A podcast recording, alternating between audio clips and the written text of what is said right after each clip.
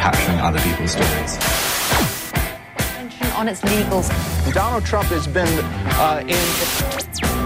Lots of cliches for you. Japan's economy rebounded.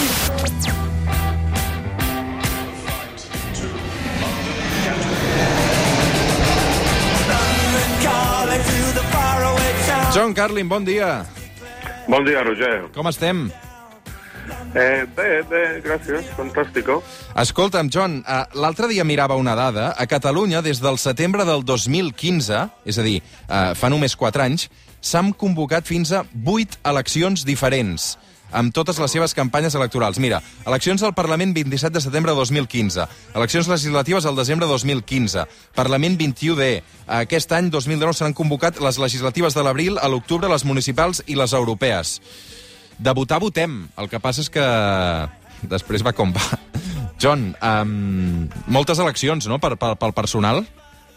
Sí, mira, em, la impresión que tengo es que estamos viviendo en una época en la que em, los, los intereses de los partidos políticos, los intereses que tienen en obtener y después permanecer en el poder, eh, se ponen por encima del, del interés general. Esto parece ser un constante, no solo en España, no solo también en Cataluña, sino por supuesto en, en, en Inglaterra, en Estados Unidos. Parece ser un síndrome de las, de las democracias.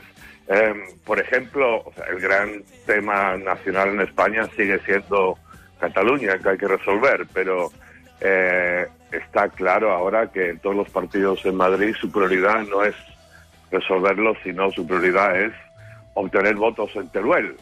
Eh, por otro lado, aquí en Cataluña tienes la división entre lo- los dos partidos independentistas, que parece a veces que se odian entre sí más de lo que odian al Partido Popular, eh, cuando supuestamente lo que tienen en común, lo importante para ellos es la independencia. Parece que incluso eso se pone en segundo lugar después de los intereses particulares de los partidos. Y esto esto, como te digo, se ve por todos lados y se ve de manera más dramática incluso eh, en Inglaterra. O sea, comparado con Inglaterra, lo de España es una crisis light, una crisis de, permanente de, bajo, de baja intensidad, mientras que en Inglaterra, en Reino Unido, estamos está jugando el, el futuro del, del país de manera muy inmediata. John, hi ha una dada rellevant que ha sortit aquestes últimes hores. Uh, 120.000 persones uh, han fet la petició per no signar, uh, per no rebre, en aquest cas, propaganda electoral aquesta campanya. És rellevant també d'aquesta desafecció de que la gent n'està farta al final, eh?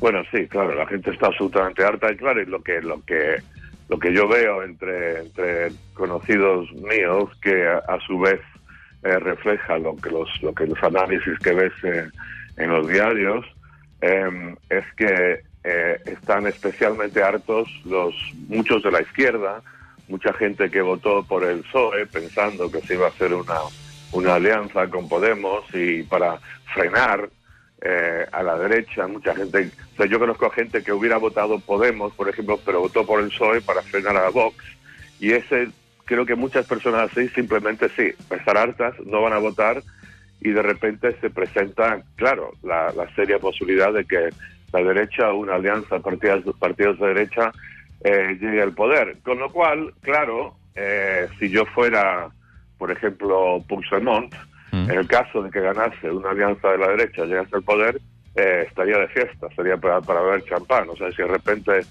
imponen el artículo 155, que tanto, tanto les encanta, eh, sería eh, una forma magníficamente eficaz de dar vida una vez más al, al movimiento independentista. Tindrem temps de parlar-ne. Uh, John Carlin, una abraçada ben forta. T'he de deixar perquè tinc aquí al meu costat Ada Colau. De seguida la saludo, et poso una cançó que es diu La segunda oportunitat, veurem si també els polítics se la fan seva, i arribem a, a les 9 del matí amb aquesta segunda oportunitat. John Carlin, una abraçada ben forta. Una abraçada, Roger. Adeu, adeu, fins ara.